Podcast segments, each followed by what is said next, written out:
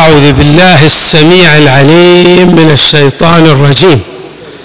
بسم الله الرحمن الرحيم والحمد لله رب العالمين.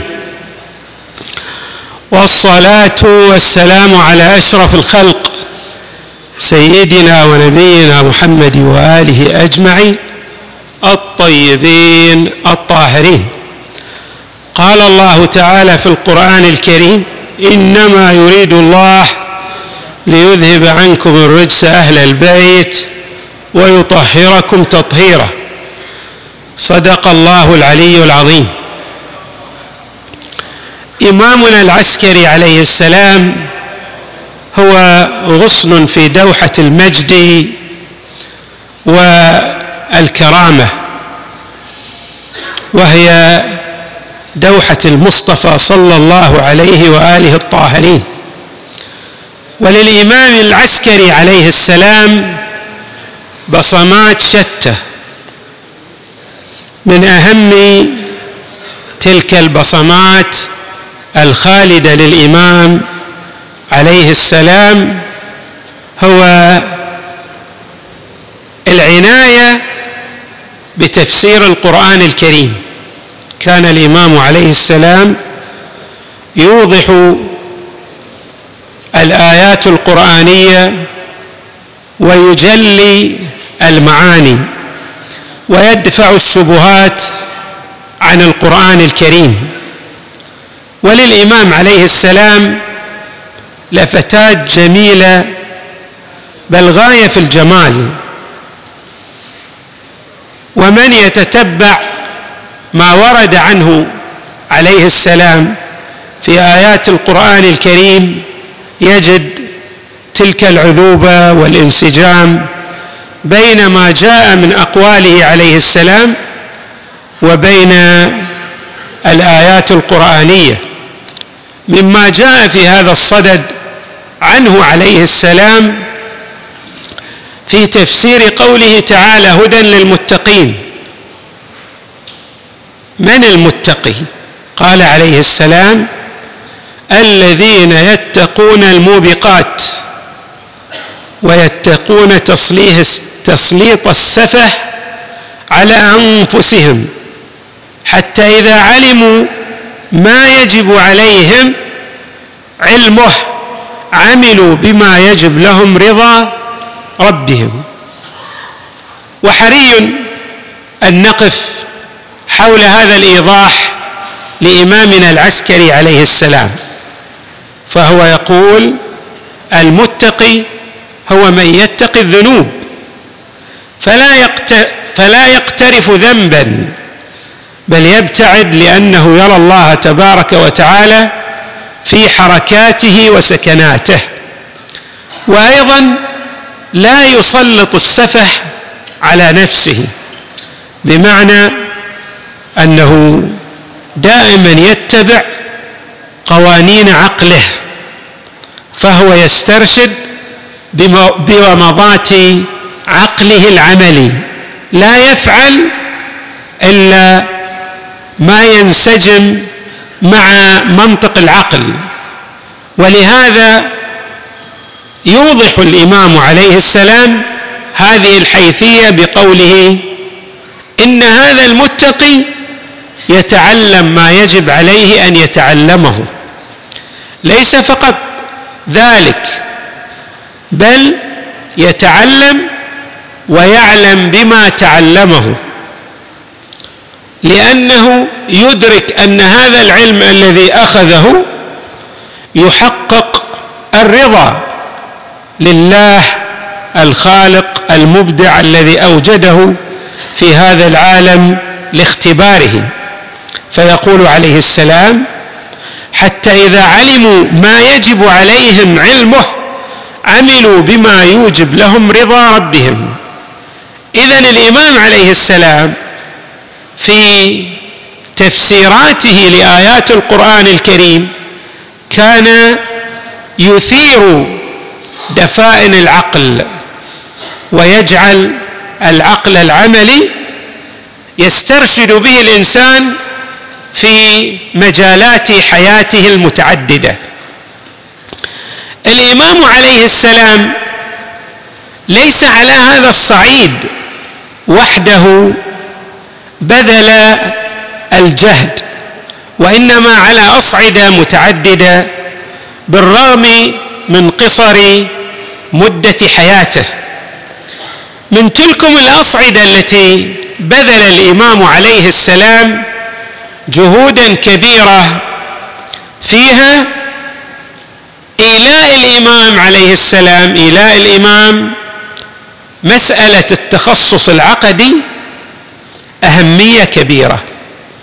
بمعنى أن الإمام العسكري عليه السلام كان يرشد أتباع أهل البيت عليهم السلام بالخصوص العلماء والمثقفين منهم إلى أهمية الإيغال في فهم الحيثيات العقدية المتعددة. لأي شيء؟ لأن شرك الشيطان إنما يصطاد به الضعفاء الذين لم يفهموا عمق ما ورد في الشريعة المقدسة.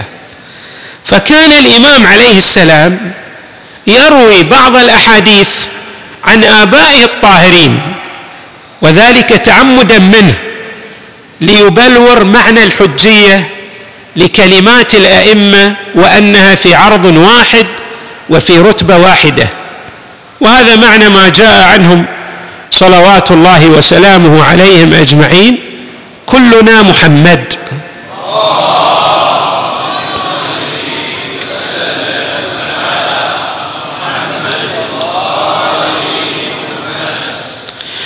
اذا الإمام عليه السلام عندما يروي بعض الأحاديث عن بعض آبائه كان يهدف إلى أن ما قاله الإمام أمير المؤمنين عليه السلام هو ما يقوله الحسن وهو أيضا ما يقوله الحسين وما يقوله البقية من أئمة أهل البيت صلوات الله وسلامه عليهم أجمعين. جميع ما ورد عنهم هو حجة على الخلق أجمعين. الإمام عليه السلام كان يفصح عن أهمية التخصص العقدي من حيثيات متعددة. اولا في تبيان أن هذا المتخصص في المجال العقدي له مكانه عند الله تبارك وتعالى وأيضا عند أهل البيت عليهم السلام عند النبي صلى الله عليه وآله مع أهل البيت عليهم السلام. لأن هذا التخصص في المجال العقدي له الأهمية الكبيرة والدور الرائد في الذود عن المبادئ الحقة للشريعة المقدسة. نقرأ أو نورد بعض ما جاء عن الإمام عليه السلام في هذا المجال ونعلق على بعض الحيثيات التي كان يشير إليها الإمام عليه السلام في كلماته لتبيان الأهمية الفائقة للتخصص العقدي من لدن العلماء الذين ينتمون إلى مدرسة أهل البيت وكذلك أيضا من لدن المثقفين بل من لدن أيضا عامة الناس عليهم أن يتفقهوا في دينهم لأن الفقاهة في الدين لا يقتصر فيها على فهم الفقه بالمعنى التقليدي الحلال والحرام وإنما يشمل أيضا الفهم العقدي لإمامة الأئمة من أهل البيت عليهم السلام. ويشمل أيضا المجال الأخلاقي ويشمل المجالات الأخرى كما وردت كما وردت الروايات في إيضاح ذلك. امامنا العسكري عليه السلام يروي عن جده الباقر عليه السلام في العالم. يقول العالم كمن معه شمعه تضيء للناس فكل من أبصر شمعته دعا له بخير. كيف يدل الناس على الطريق في الظلمات الحالكة. العالم هو أيضا بهذه المثابة. تزيل ظلمة الجهل والحيرة فكل من أضاءت له فخرج بها من حيرة من حيرة أو نجا بها من جهل فهو من عتقائه من النار. وهو أيضا يشيد بمكانة العالم. ويفصح عن تلك الرتبة والكرامة التي أعطاها الله للعلماء. كما وردت أيضا في هذا المعنى آيات من القرآن الكريم كقوله تعالى يرفع الله الذين آمنوا منكم والذين أوتوا العلم درجات. ثم يقول الإمام عليه السلام هذا الكلام ينقله الإمام العسكري عن جده الباقر عليه السلام. والله تعالى يعوضه عن ذلك بكل شعرة لمن اعتقه ما هو أفضل له من الصدقة بمائه ألف قنطار. ويردف عليه السلام وأيضا يعطيه الله تبارك وتعالى ما هو أفضل من مائه ألف ركعة بين يدي الكعبة. يعني كيف الركعة في الحرم المكي تعدل مليون ركعة الله يعطي هذا العالم عن إيضاحاته عن بياناته عن علمه ما هو أفضل من تلك الصدقة العظيمة وأيضا هذه الصلوات بفناء البيت الحرام. الإمام أيضا عليه السلام يروي عن جده الكاظم عليه السلام فيقول فقيه واحد ينقذ يتيما من أيتامنا المنقطعين عنا. ما عنده أتباع أهل البيت في هذه الأزمنة ما عندهم اتصال مباشر مع المعصوم عليه السلام. من أين يأخذ المعين العذب؟ من أين يرتوي الرواء بالماء النظيف؟ يقول الإمام عليه السلام المنقطعين عنا وعن مشاهدتنا. بتعليم ما هو محتاج إليه. هذا الفقيه الواحد أشد على إبليس من ألف عابد لأن العابد همه ذات نفسه فقط وهذا العالم همه مع ذات نفسه أيضا العالم يهتم بنفسه ولكن مع ذلك يهتم بعباد الله وبإمائه لينقذهم من يد إبليس ومردته. وذلك العالم هو أفضل عند الله من ألف ألف عابد. ألف ألف عابد. وألف ألف عابدة. ما شاء الله على هذه الروايات العظيمة التي وردت عن إمامنا العسكري عليه السلام. أيضا الإمام يروي عن جده الجواد.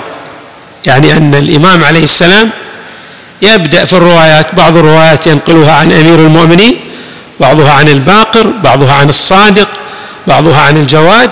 وكما قلنا إن إن الإمام عليه السلام يومي بل يوضح أن ما ورد عن كل إمام منهم هو في نفس الرتبة في نفس العرض على حد التعبير الأصولي مع ما ورد يعني ما ورد عن أولهم كما ورد عن آخرهم في نفس الرتبة والعرض والحجية.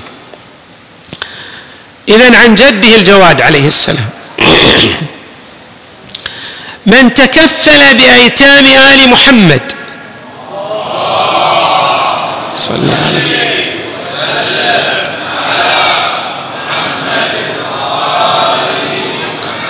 المنقطعين عن إمامهم. المتحيرين. في جهلهم. هناك شبهات من أعداء مذهب أهل البيت تثار.